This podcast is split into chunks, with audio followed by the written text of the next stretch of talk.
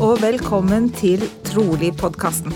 Samtaler i en siste dagers hellig kontekst, frie for berøringsangst.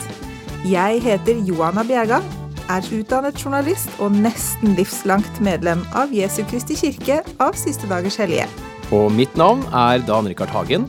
Jeg er til daglig voiceover, og som Johanna har jeg også tilhørt Jesu Kristi kirke av Siste dagers hellige nesten hele livet. I denne podkasten så snakker vi med både trosfeller og noen som ikke lenger tror. Og innimellom så kommer vi også til å ta inn personer som ikke nødvendigvis har noen spesiell tro, men som likevel har perspektiver rundt tro og tilhørighet som vi sikkert kan lære noe av. Vi gjør oppmerksom på at denne podkasten ikke er i regi av Jesu Kristi kirke Siste dagers hellige, og at det som blir sagt, er våre personlige meninger og oppfatninger.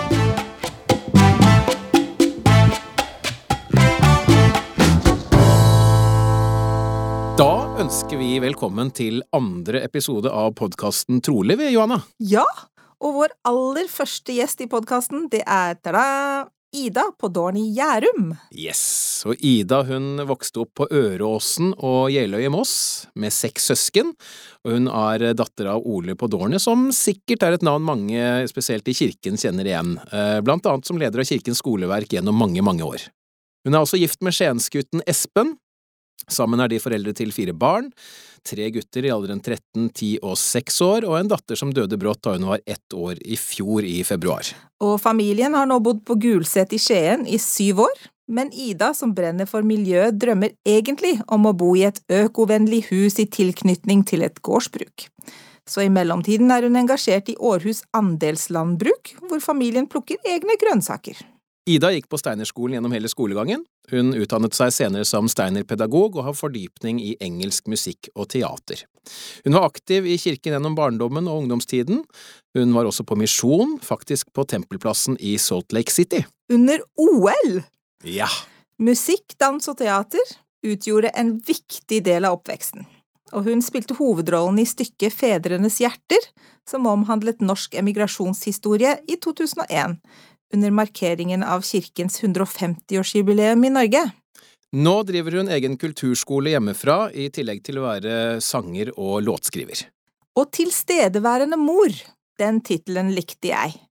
Velkommen til Trolig-podkasten, Ida. Har vi glemt noe nå? Nei, det høres greit ut, det. Du kjenner deg igjen? Ja, det, det høres ut som noen jeg kjenner. Ja. Ja, det er jo en god start. Ida, du sang jo eh, i Fedrenes hjerte, du. Eh, det er jo et stykke som jeg også har en viss, eh, ja, la meg kalle det følelse for. Det stemmer, eh, Dan Rikard. Eh, ja. Eh, vi må vel kanskje si litt grann om eh, hva vi snakker om der. Ja, fortell, for det var ikke jeg involvert i i det hele tatt. Følte meg helt utenfor da. Ja, for det er jo slik, Ida, at det var jo den andre oppsetningen som du var med på, og så var jeg med på den første. Stemmer. Ja.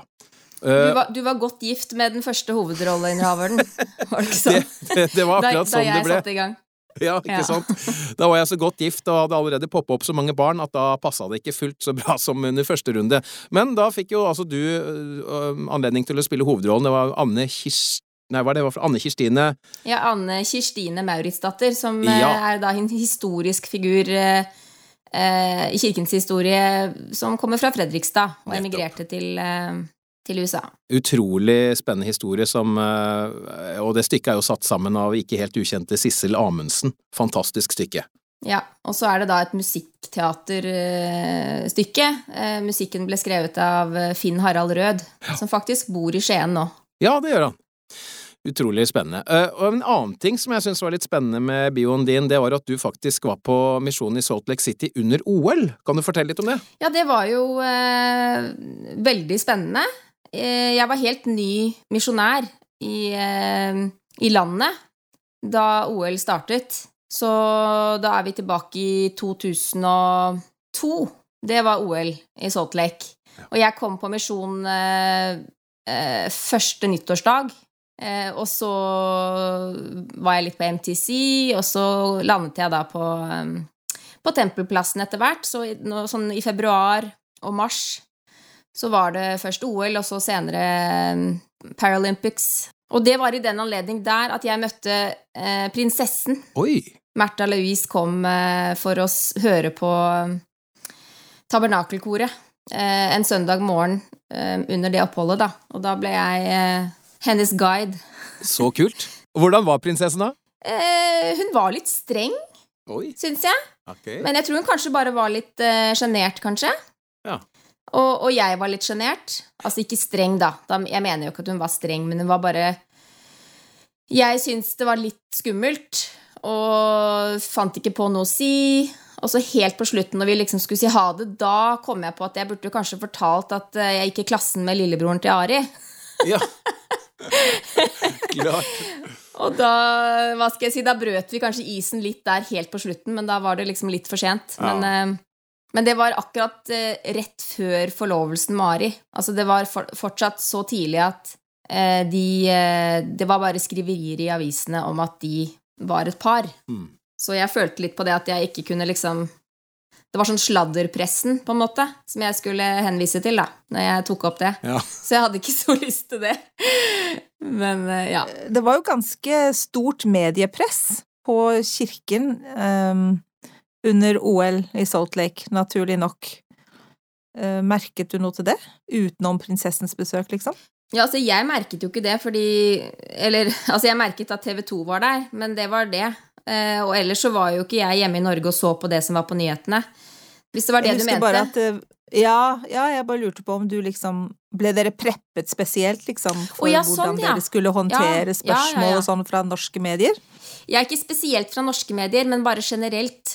At vi ble preppet i å møte offentligheten, på en måte. Mhm. eh, om det var media, eller om det var bare turister, eller hva.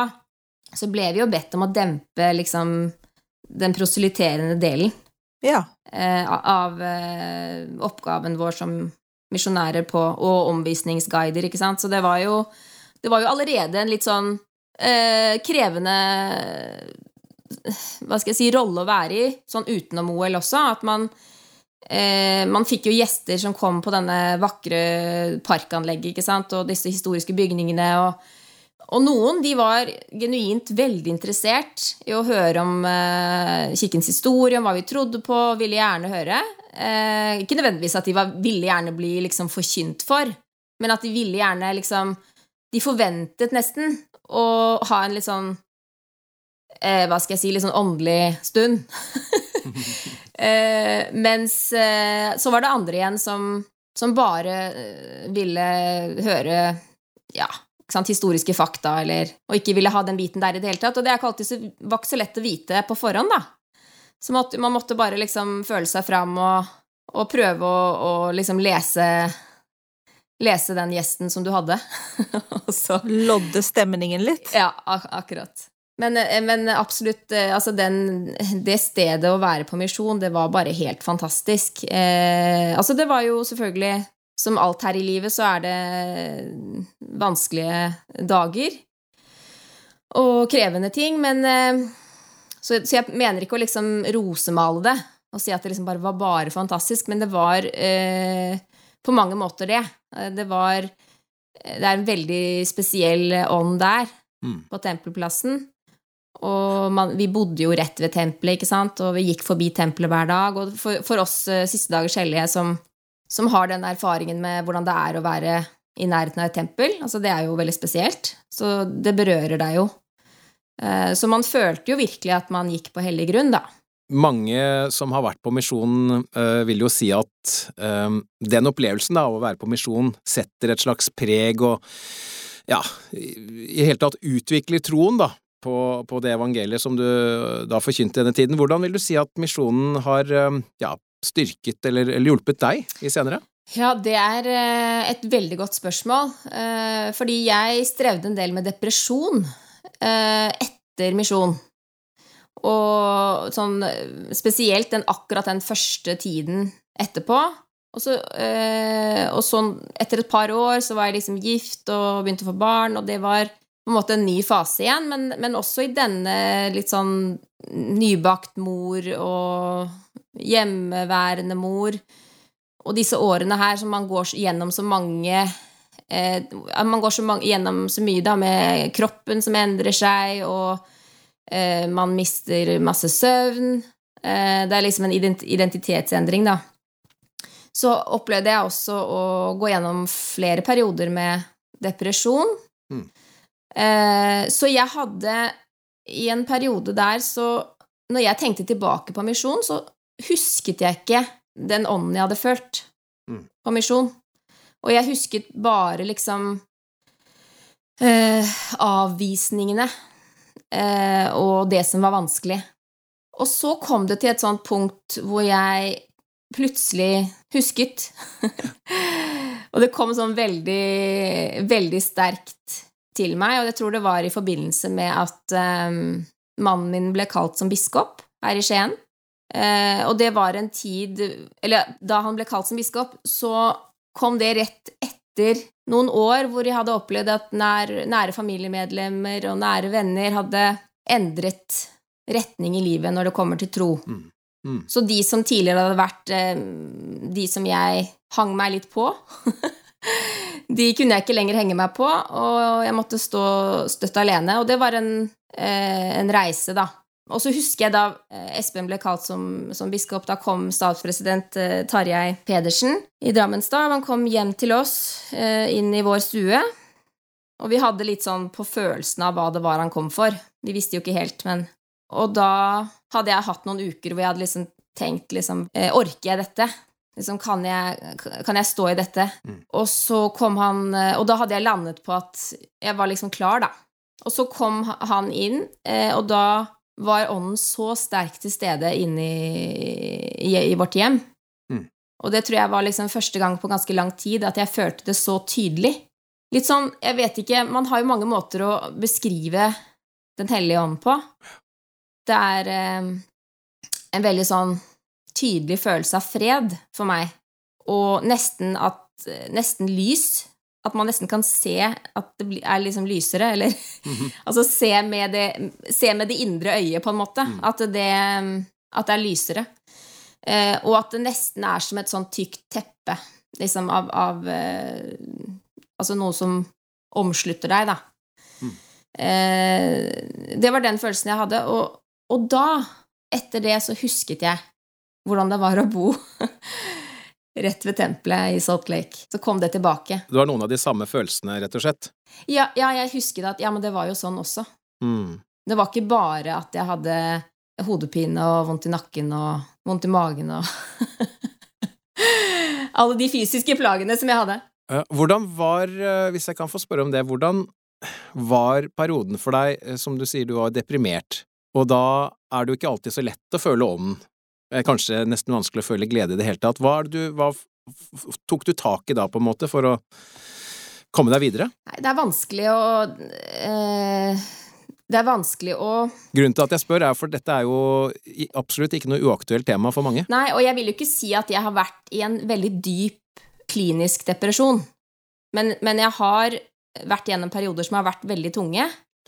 Og hvor jeg, når jeg har kommet ut av de tunge periodene, så kan jeg se tilbake og så bare Å ja, jeg var jo deprimert. Mm. altså, det var derfor det gikk så treigt, liksom. Det var derfor det var sirup i hjernen, liksom. Eller det var derfor jeg ikke klarte å få gjort noe fornuftig, eller Så du så det faktisk ikke helt selv i øyeblikket engang? Nei, nei ofte så var det sånn så, Altså, ettersom årene har gått, så har jeg lært meg det. Men eh, i begynnelsen så var det mer sånn Hvorfor kan jeg ikke bare få til dette her? Eller Men du er nå her enda. Ja, jeg er jo det. Det, er, det må jo være en grunn til det. Jeg snakket med en venninne om dette her nå rett før helgen. Eh, vi møttes på fest, og så sier jeg at eh, jeg skjønner det nesten ikke selv, hva det er som gjør at jeg liksom, liksom har så jeg, synes, jeg vil liksom ikke bruke ordet sterk tro heller, for det føles så liksom så Jeg vet ikke helt hva jeg skal kalle det, men det føles som eh, jeg er liksom så forankra. Ok. Ja, så hvordan ville du definert tro, eller din tro? Er det, er det det du ville definert det som? En forankring? Ja, eller eh, Ja, en forankring, en sånn trygghet, eller en, eh, en litt sånn Jeg skal ingen steder, liksom. eller eh, her skal jeg være, eller Og jeg var jo sånn veldig som barn. Jeg har jo blitt fortalt det. det at jeg liksom var veldig ehm, Ja, til stede, på en måte, da. I sånn i kirken og, og når det kom til åndelige spørsmål og sånn, men det betyr jo ikke at Altså, jeg syns jo mange ting var kjempevanskelig, og spesielt i ungdomstiden. Ja, det har jo vært en reise. Og da Tone døde, altså den eh, lille, søte jenta mi som var ett år, eh, for halvannet år siden, så ble jeg så overrasket over eh, Eller hvor, hvor, sterk tro jeg hadde. Fordi jeg, jeg tenkte liksom jeg ikke, Det er jo ikke noe man kan forberede seg på. Det var ikke noe jeg hadde planlagt at liksom, ja, hvis jeg mister et barn, hva, da mister jeg troen, liksom, på Gud og alt som er godt. Men, eh, så jeg hadde ikke planlagt det sånn. Men, men, men, det er mange som gjør det? Ja, eller jeg tenker at det er ikke noe sånn høyverdig, liksom, av meg at jeg reagerte på den måten. Det var jo bare sånn det jeg gjorde, for det var det som var naturlig for meg. Og jeg tenker vi alle mm. har våre liksom ja, vår bagasje eller våre sår, ikke sant, på, på forskjellige måter, som gjør at vi takler forskjellige opplevelser. Mm. Eh, eller eh, opp, altså takler opplevelser på ulik måte, da. Hvorfor, hvorfor, det, tror du? Er vi født sånn? Blir vi sånn? Er vi, formes vi underveis, eller er det Sofie, jeg er jo litt der at jeg tenker at tro er i stor grad et valg, men jeg hører jo og eh, opplever jo folk som sier at nei, det er bare en del av dem, det har liksom bare alltid vært der. Mm. Det er nok, for meg så er det nok begge deler. Så det er jo selvfølgelig Og det, er, det har jeg reflektert litt over nettopp av den episoden med å miste et barn, så tror jeg nok at den troen var så sterk blant annet fordi jeg har tatt noen valg over mange år. Altså, jeg har valgt å tro, da. Ja. Når ting har vært vanskelig, så har jeg valgt å tro. Og så har jeg valgt det igjen og igjen og igjen og igjen, og så har det, den troen blitt så sterk at, at når jeg ble stilt på, måte, på den prøven, så var troen der fra før. Ja. Men så måtte jeg jo fortsatt eh, gripe fatt i den og velge igjen, da. Ikke sant? Mm. Eh, når du spør om arv og miljø og, og sånn, så, så, tenker jeg at en del av min personlighet er at jeg har en evne til å hengi meg, og en evne til å ha tillit. Fordi det er jo litt forskjellig. Ikke sant? Noen, noen mennesker er av natur mer skeptiske og har vanskelig for å gå inn i nære relasjoner, for eksempel, ikke sant? Mm. Mens eh, for meg så, så, er det en veldig sånn sterk del av min personlighet, da, min natur. Så, så for eksempel det å, å, å gifte seg og velge én og være lojal For meg så har det liksom bare vært helt supert. Og jeg var jo den som var liksom mest forelska i flest eh, på en gang. Eh, da, altså før, før, før jeg eh, valgte Espen, da. Men når jeg først hadde valgt ham, da, da var det liksom bare Å, så deilig å slippe å tenke noe mer på det, liksom. Eller da Da, da hadde jeg hengitt meg, hengitt meg, til det valget. Ja, valget var tatt, ja. liksom. Ja. ja.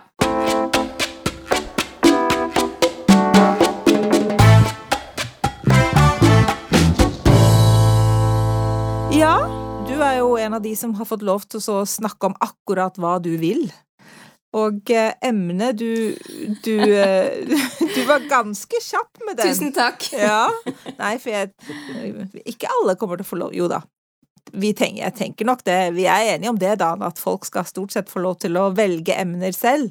Ja, ja. Så styrer vi litt. Her er det rom for det meste. Ja, men vi styrer litt. Ja, litt styring må det være. Ja, Men, eh, men du, du, hadde lyst til å snakke litt om dette her med det du kalte for minoritetsmarkører. Kan du forklare litt hva du mener med det? Ja, altså jeg har vært litt usikker da, etter at jeg har skrevet og skrevet og skrevet eh, ned disse tankene, at liksom, er dette egentlig et ord? og bruker jeg det riktig? Fordi jeg har en sånn tendens til det der å finne opp ord. Eh, og så bruker jeg dem så mye at til, jeg, til slutt eh, så tror jeg at de fins eh, i ordboka.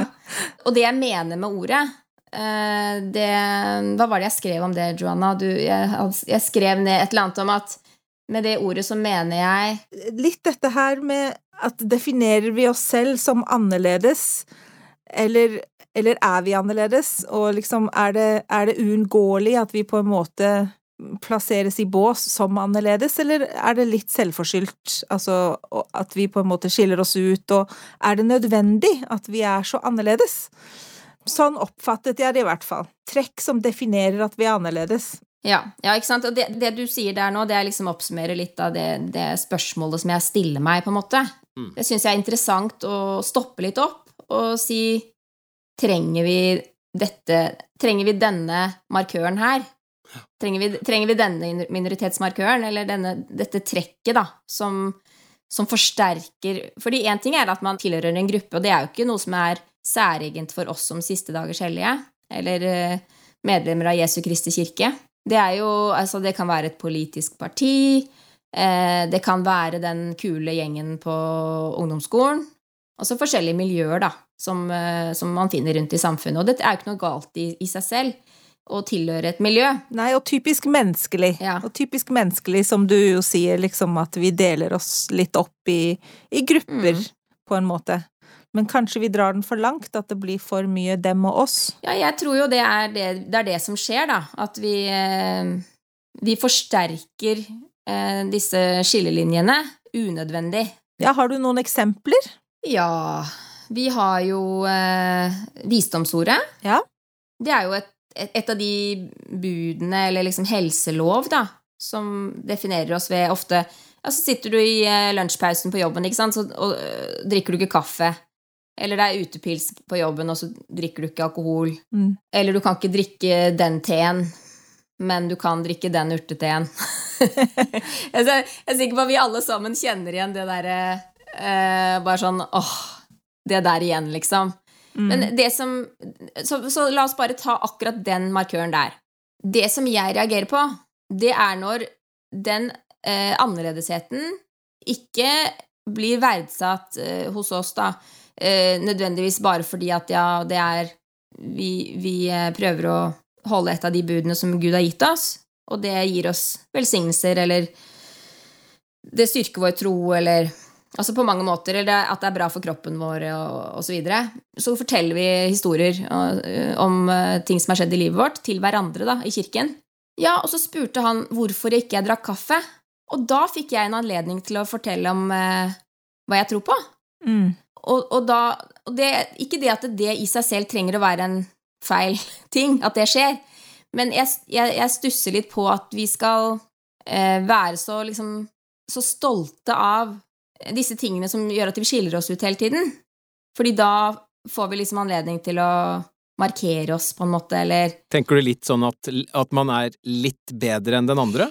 Ikke nødvendigvis det heller, men bare det at man liksom kan liksom klappe seg selv litt på skulderen og liksom Ja, jeg er jo annerledes.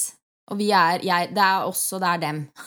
mm, ja, ja. Eh, og, fordi, og, det, og, det, bringer meg jo også Altså, det kommer jo liksom videre til et annet tema som handler om misjonærarbeidet, som er også en av mine kjepphester, da. Og det som jeg syns er vanskelig. Mm. Altså, jeg, jeg bare reagerer på at vi er så opptatt av at liksom det er, det er oss, og så er det dem. Og, og misjonsbefalingen, eh, den gjelder jo ikke bare for oss eh, i vår kirke. Den, altså alle som leser eh, Det nye testamentet og, og bruker det som siden skrift, da, eh, har jo misjonsbefalingen rett for seg. Gå ut i all verden og gjør alle folkeslag til mine disipler. Ikke sant? Så det er en ganske sånn tydelig eh, befaling og oppfordring, da. Og det er jo noe som vi i vår kirke tar veldig alvorlig. Mm. Og jeg har jo selv vært på, misjon, og, og, og, jeg har, eh, er så glad i misjonærene som vi har her. Jeg syns det er helt fantastisk eh, å få lov til å være en del av deres liv. De bringer en ånd med seg som er helt spesiell. Og det er min overbevisning at de virkelig er ordinert altså til å forkynne evangeliet, da. Så det er ikke det som er liksom kjepphesten min, men det er liksom bare bak, hva slags språk det er vi bruker om oss selv og andre. Og jeg tenker jo at da jeg var et barn og vokste opp i kirken, så var språket enda verre enn det det er i dag. Så det er ikke eh, Det er ikke så verst. Men eh, vi kjenner jo alle til uttrykk som ikke-medlemmer eller eh, undersøkere og Uaktive. Ja. Og det er det er ikke det at folk som er i vår kirke, er så spesielle, som sier sånn. Fordi det, det sier de i andre grupper også. Mm. Ikke sant? På korpset til sønnen min. De skal også rekruttere folk til eh, De vil gjerne ha flere til å begynne i korpset, ikke sant? Så da, så da snakker man jo sant, om oss, og så de andre, de som vi vil skal begynne i korpset. Så, så jeg, bare, jeg er en sånn person som er eh, opptatt av språk, da. og hva språket gjør med oss. Så det er viktig hva slags ord vi bruker, fordi det reflekteres igjen i hva vi føler, og, og hva vi signaliserer. Har du noen løsning? Nei, altså, jeg eh, Den her filmen som er blitt laget, eller jeg mener eh, serien, Ja, som heter The Chosen ja, fortell. jeg vet, eh, Som eh, kanskje mange har sett, da. Eh, den, jeg ble veldig grepet av den. Det er en eh, kristen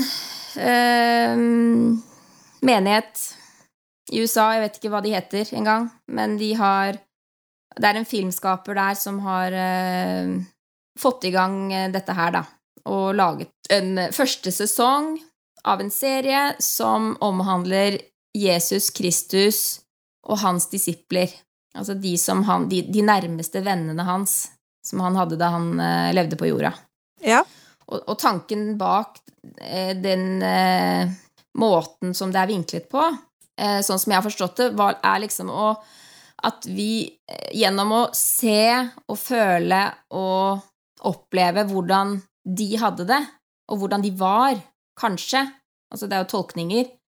Men eh, han har jo på en veldig god måte klart å personliggjøre og menneskeliggjøre disse karakterene som kanskje tidligere har blitt litt sånn Glorifisert, eller ja, og litt sånn ta, litt tamme, kanskje. Ja. Ikke sant? Man har vært redd for å legge for mye tolkning inn, og så da har man endt opp med liksom noe som egentlig ikke er men et menneske. Mm. Dan, har du sett noen av de episodene? Har du sett noe av det? Nei, det har jeg ikke. Jeg har ikke hørt om den engang, så jeg må sjekke dette her. Jeg har sett et par episoder. Jeg må innrømme at jeg, det tok litt tid før jeg på en måte kom inn i det. Ja. Eh, men, eh, men jeg har ikke gitt opp helt. Jeg tror jeg skal fortsette også å se resten, for jeg har hørt mange Hvor er serien hen? Den, den, eh, du kan se den flere plasser, men blant annet så kan den streames på vidangel.com, og så er det, det er en egen chosen app som man kan se de på. Okay. Men det er sant, den, den fremstiller disiplene som mennesker, og, og Jesus òg som kanskje litt mer menneskelig enn vi er vant til å se ham portrettert, da. Ja. Sånn oppfattet jeg det. Spennende. Mm, absolutt. Og det som, eh, det som er poenget jeg prøvde å komme fram til, da, det, det er at eh, gjennom å bli kjent med dem som levde nært på ham, altså på Jesus, så vil vi også bli kjent med ham. Ja. Altså at når vi kan leve oss inn i hvordan, eh, hvordan det var for Matteus og Marie Magdalena og Peter og Når vi kan liksom identifisere oss med dem, så kan vi prøve å forestille oss og leve oss inn i hvordan det ville vært å eh, kjenne Jesus der, og også hvordan kan, vi kan kjenne Jesus nå. Så jeg, jeg, veldig, jeg har blitt veldig rørt av den, eh, den serien, og har følt at jeg eh, virkelig har eh, kommet nærmere Jesus, da. Mm. Så, og det var vel kanskje hensikten til de som lagde, lagde den. Mm. Så eh, da har de liksom oppnådd det. Men så var det én ting til da, i forhold til dette med misjonærarbeidet, som jeg prøvde å reflektere litt rundt. Så tenker jeg at hvordan var det Jesus forkynte? Og måten de har gjort det i den serien, så er det jo sånn at han, han forkynner Eller i hvert fall han inviterer disse utvalgte da, til å følge ham. Men han gjør ikke det før han har eh, fått dem i senk, på en måte, gjennom å utføre mirakler i deres liv. Så, så alle disse miraklene som skjer da i, i Altså um, Maria Magdalenas møte med, med ham, eh, Peters møte med han, så utfører han mirakler i deres liv før de i det hele tatt selv eh, tror på ham. Altså, de blir sett, da.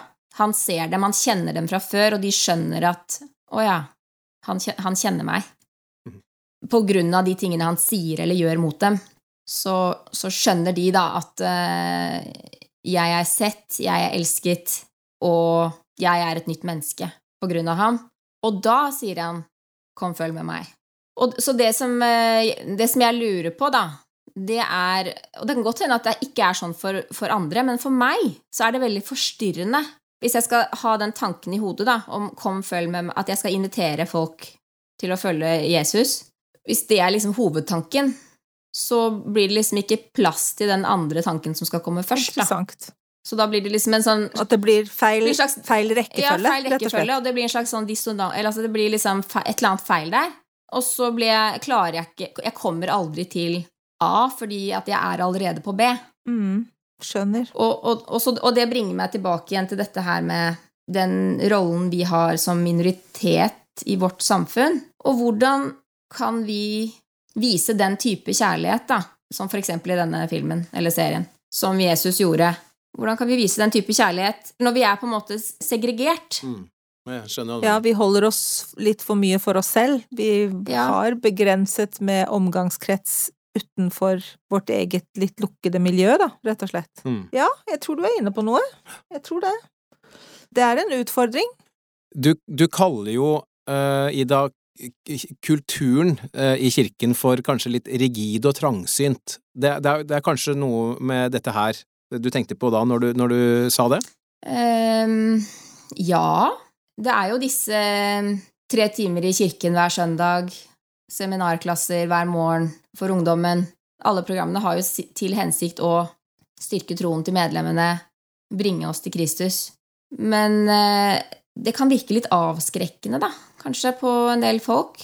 Og så tror jeg vi mister en del folk som At det blir for voldsomt? ja, eller altså det der Noen Det er liksom sånn personlighetsgreie.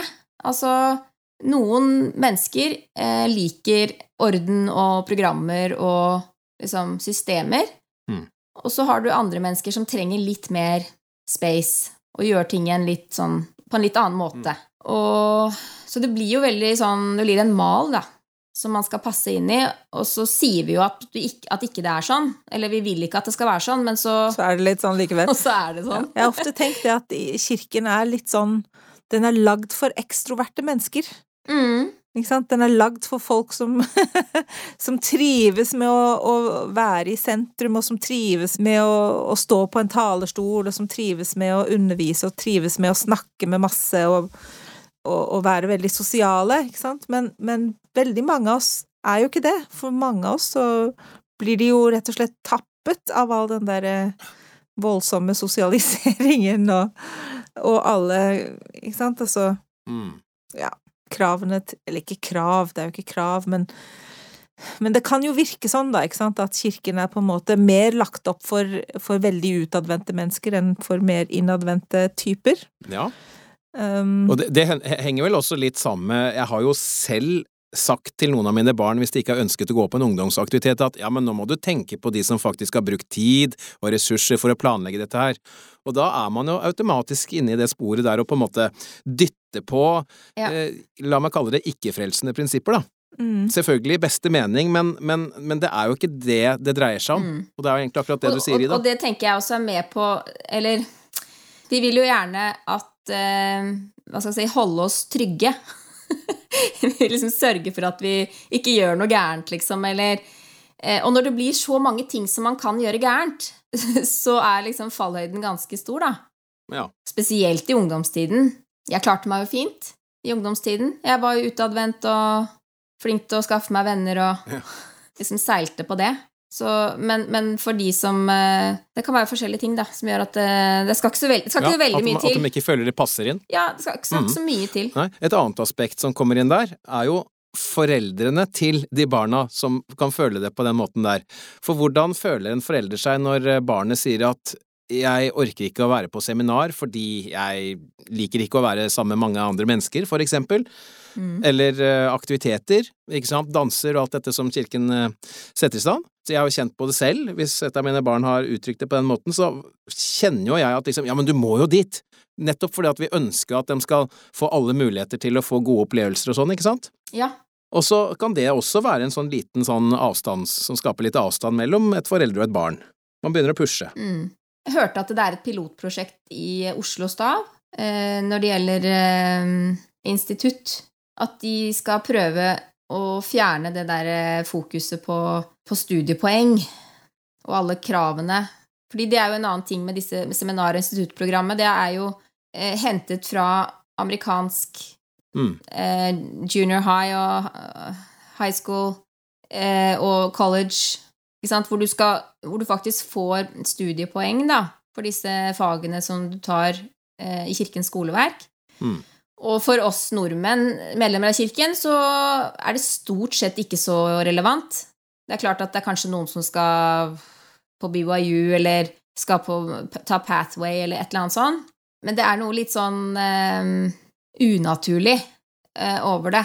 Og, og, det, og litt det, det, stresset rundt at man liksom da Også hvis du da slutter å gå, ikke sant, og så, så må du, masse, du må ta igjen masse for å få fullført kurset. Mm -hmm.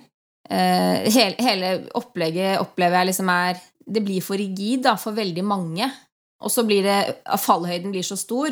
Ja. Så tenker jeg at fallhøyden hadde kanskje vært mindre hvis ikke kravene hadde vært på den måten, da. Og så er det litt forskjell på å studere skriften fordi det er noe du ønsker også, enn at det er et krav. Mm. Og det blir fort en følelse av krav når du skal Ja, du skal ha lest det der, eh, du skal ha vært der så mange ganger. I tillegg så kommer du til å få en prøve om et halvt år. Ja. Eh, selv om det sies at det er jo ikke en prøve i sånn forstand, men det føles jo som en prøve. Mm. Ja. Men jeg, jeg, tenker at det er veldig viktig at vi, eh, sånn som i denne podkasten her, da, at det er temaer som blir behandlet altså uten berøringsangst. Altså, vi må tørre å snakke om de tingene som vi syns er litt kleine og vanskelige. Mm. Og ikke være redde for at eh, Ja, men seminaret er vel veldig bra, det? Er det ikke det? Liksom det ikke sant? Eller eh, hvis man, hvis man, fullfører det, så er det jo masse velsignelser, ikke sant?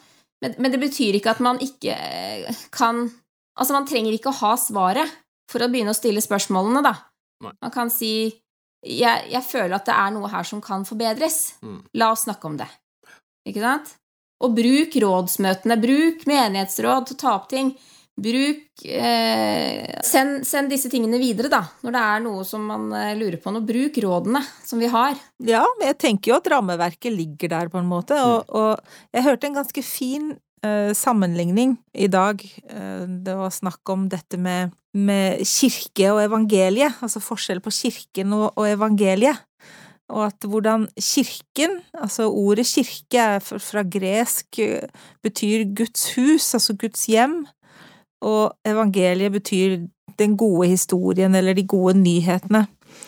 Og så, og så sa han, han podkastfyren, for det var jo selvfølgelig på en podkast, han sa hvis du tenker på det sånn at kirken og kirkens organisasjon og alle programmene og alle greiene vi gjør, det er litt som et hus hvor vi vi pusser opp med jevne mellomrom og endrer på ting og endrer på romdeling og forandrer farge og flytter på møbler og sånn, mens evangeliet, det er ordinansene og prinsippene og hensikten og forsoningen og frelsesplanen og alt dette her, det forandrer seg ikke, men kirken, altså huset, kan godt endre seg uten at hensikten og poenget med evangeliet blir borte. Mm. Eh, jeg likte den sammenligningen, for det gjør jo at man nå kan på en måte senke skuldrene litt i forhold til de endringene som skjer i kirkens mm. organisasjon og i måten å gjøre ting på, ikke sant. Vi har gått fra tre til to timer nå, ikke sant. Vi har Det er mer fokus på hjemmesentrert kirke og, og, og på det som skjer i familien. Det er De forenkler ungdomsprogrammet, de forenkler barneprogrammet. Jeg tenker at det, det skjer jo ting. Det er jo Mm. Det er jo endring, men ikke på de tunge tingene. Nei. Det er endring på fasaden, på en måte. Ja, og jeg, jeg tenker at det er viktig at vi eh, kan endre den delen av vår kultur som er litt sånn at man er litt redd for å si fra. Ja. Eller man vet ikke helt hvor hvor skal jeg ta opp dette? Mm. Hvor kan jeg snakke om dette? Ikke sant? Mm. Og jeg jeg er sånn at jeg er eh, velsignet med en del ting, og, og en, noe av det er at jeg stort sett ikke er så redd for å si det som jeg tenker, eh, selv om det er litt annerledes enn de andre. Så for meg så er det viktig å, å kommunisere den, den, erfaringen da, til andre. Mm. Og si at eh, ja, min erfaring er at våre ledere, i, både lokalt og i staven osv., er utrolig gode mennesker, og de lytter, og de vil gjerne høre. Man skal aldri være redd for å mm. gi beskjed. Jeg tenker det, Mr. Rogers, vet du, han pleide også å si at if it's mentionable, it's manageable. Altså hvis det går an å snakke om det, så kan det håndteres. Og jeg tror du har helt rett i at vi har en tendens til å, til å tie og gå og bære litt på ting som vi kanskje syns og opplever som vanskelig i, i kirkelig sammenheng, og det, jeg tror absolutt at det er på tide at vi, at vi får de på bordet, opp på bordet, og, og, deler og snakker, fordi jeg tror at det kan være til hjelp for folk. Ikke sant? å føle at å nei, det er ikke bare jeg som går rundt og, og grubler på dette alene. Mm. Eller hva sier du, Dan? Nei, jeg, jeg sitter og får egentlig mange tanker. Det første jeg tenkte på, er hvorfor tror vi at det er sånn? For jeg, jeg vil ikke akkurat påstå at det er noe som kommer ovenfra, altså typ at lederne sier til oss at nei, vi vil ikke at dere skal snakke om det, eller for all del ikke være kritisk. Jeg føler ikke at det ikke er rom for det, men kan det være mer at man er redd for hva tenker hva tenker de andre som sitter i kirkesalen her nå, hvis jeg rekker opp hånda og sier at dette, ja, ikke sant, kommer med et eller annet som enten kan virke som uh, uh, at man er redd for at noen tenker 'å, tviler du'? Mm. Skjønner du hva jeg mener? Det kan, være, det kan være mer selvpålagt, egentlig, enn Ja. Ja, nei, for jeg oppfatter heller ikke at det er så mye sånn ovenfra og ned-ting. Heller at det er noe som, som ligger, ligger litt i oss. Jeg kan på en måte forstå den forrige generasjon. Eller to generasjoner siden, da, ikke sant, hvor det var mye mer stigmatiserende å skille seg ut og ikke være medlem av statskirken, for eksempel, eller Mm. ikke sant? Jeg tenker på svigerforeldrene mine som virkelig liksom ble frosset ut og mistet hele vennekretsen sin når de gikk inn i kirken. Um, at, at de på en måte At det ble en slags naturlig reaksjon for dem, en slags sånn selvforsvarsgreie, at de Mm. at de da liksom Ok, det er dem mot oss, eller omvendt, Mm. liksom. Mm. Um, det, det kan jeg forstå. Jeg syns det er mindre forståelig for oss. Vi møter jo ikke den type motstand lenger, vi. Mm. Eh, tenker jeg, i vår generasjon. Altså, nå er det jo mye mer Ja, vi kan godt si at eh, samfunnet har blitt mer tolerant, men egentlig så handler det mer om likegyldighet, tenker jeg. Sant? At folk, folk bryr seg bare ikke. Det er ikke Ja. Mm. så jeg tenker at eh, hvis vi er litt bevisst på det, da, at eh, vi trenger ikke ta med oss de tidligere generasjonenes si, angstbiterske forhold til, til alt som er ut forbi. Mm. At vi kan ha et litt mer avslappet forhold til, til det, som er, det som er rundt oss, utenfor vår egen lille boble, liksom. Ja, ja, og jeg tenker at det er viktig at man, eh, ja, at man stiller spørsmålstegn ved, ved tradisjoner og, og, og deler av kulturen vår, og så se er dette her noe som hører hjemme på 50-tallet, Mm. eh, og vi kan ta ut, ikke sant? Ja. Eh, og, og, så jeg tenker på eksempel dette her med, med kirkevielser. Mm. Altså, jeg vokste opp med at vi sant, man skulle gifte seg i tempelet, ikke sant? Mm. Og det var veldig sånn eh, Veldig fokus på det, at man skulle gifte seg i, i tempelet. Og her i Norge i hvert fall så hadde vi jo en sånn at man ikke trengte å gifte seg sivilt før man dro til tempelet. Fordi tempelvielsen gjaldt liksom som Mhm. eh, gyldig inn i Fun fact, Johannes og jeg var faktisk det første norske paret som ble viet direkte i tempelet uten en vielse først. Ja, Så det skjedde i 1988. Mm. Okay. Så før 1988 så måtte man faktisk eh, vies Mm. først i Norge. Men jeg kan godt tenke meg på det tidspunktet også at man valgte å ikke gjøre så mye ut av den vielsen først. Jeg vet, jeg vet ikke. Ja, nei, det gjorde man Nei, ikke. ikke sant? Nei. Og, så jeg tenker, og, og, Ja. så jeg har vokst opp med den, der, liksom, den forklaringsmodellen, da. At eh, ja, nei, man skal gifte seg i tempelet først, fordi hvis man ikke Hvis man gifter seg sivilt, så kanskje man aldri kommer seg til tempelet. Mm. Altså en slags sånn der fryktbasert eh, greie, liksom. Eller, eller, eller man kan snu på det og si man ønsker å få de velsignelsene og sikre seg de velsignelsene, eller eh, Men så har du da, i kjølvannet av den kulturen der, så er det da mange familier som har vært da en Kanskje en konvertitt, ikke sant? Som gifter seg med en, et medlem av kirken, og så Som har vært medlem av kirken hele livet, og så har du da en hel familie som ikke får være til stede på vielsen eh, i tempelet. Og hele det derre liksom. Bløtkakebryllupsfokuset rundt tempelet. Og eh, det er liksom På en måte jeg, jeg tenker at det er en helt feil utvikling, da, som har, har foregått. Men så har man kanskje ikke stilt det spørsmålet, da. Man har tenkt liksom ja, men det er sikkert riktig at det skal være sånn. Mm. Istedenfor å si ja, men hva med den andre familien? Mm. Dette, her, dette føles jo ikke riktig. Nei. Ikke sant? La nå den pappaen få lov til å walk his daughter up the, up the aisle, ikke sant? Ja. At man lager en, en sivil vielse som ligner på noe som er en del av begges kultur. Mm. ikke sant? Og så kan man jo dra til tempelet og ha den en liksom privat vielse. Og den trenger jo ikke hele slekta være med på engang. Mm. Det er jo veldig privat, egentlig. Mm. Jeg tenker at akkurat der så har kanskje korona ført med seg noe positivt. For jeg tror at eh, mange store bryllup har blitt nedskalert veldig, at man har fått eh, fokus en litt annen plass. Mm. Og så har man jo òg opphevet det der med at, eh, Ja. At hvis du har Ikke sant, at nå er det jo helt innafor med en ringseremoni eller en, en hvil. Ikke sant? Altså en, et bryllup i tillegg til, til tempelvielsen. Men det vil nok ta litt tid før den kulturelle greia der på en måte her Ja, at det trenger ikke å være liksom et, et bevis på sånn rettroenhet, liksom. Nei.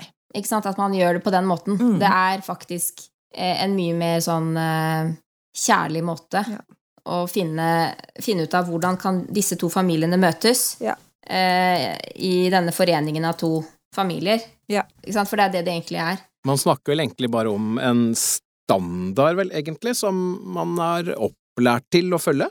Ja. Som kanskje, som du sier, kanskje egentlig er mer kulturell enn den er um, Skal vi kalle det frelsende? Mm. Eller grunnlagt i noe doktrine en gang, Ja. liksom. Eh, Mm.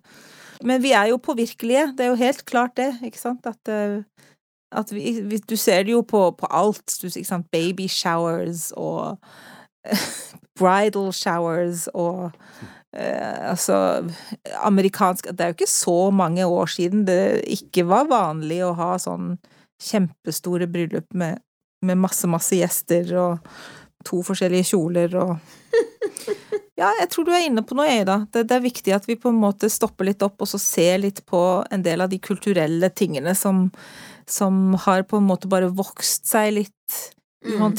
og så og stoppe litt opp og si eh, Er det egentlig dette vi tror på? Må er det være sånn? egentlig Må det være sånn? Eh, ja. Er man, er man fortsatt et godt menneske om man velger å gjøre det på den måten i stedet for den måten? Ja, er det rom for andre løsninger? Er det Mm. rom for andre måter å se ting på og, og tolke ting på?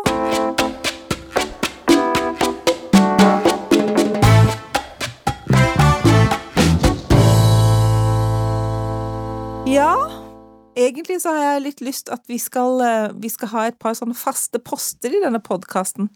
Og en av de tingene eh, er eh, Vi har hatt en tradisjon hjemme i noen år nå. Da vi fikk tenåringer, og de stort sett svarte med sånn enstavelsesord, så leser jeg en eller annen plass at en god måte å få dem til å si litt mer, det var å utfordre dem til å dele hva som var det verste som hadde skjedd den dagen, og hva som var det beste som hadde skjedd den dagen.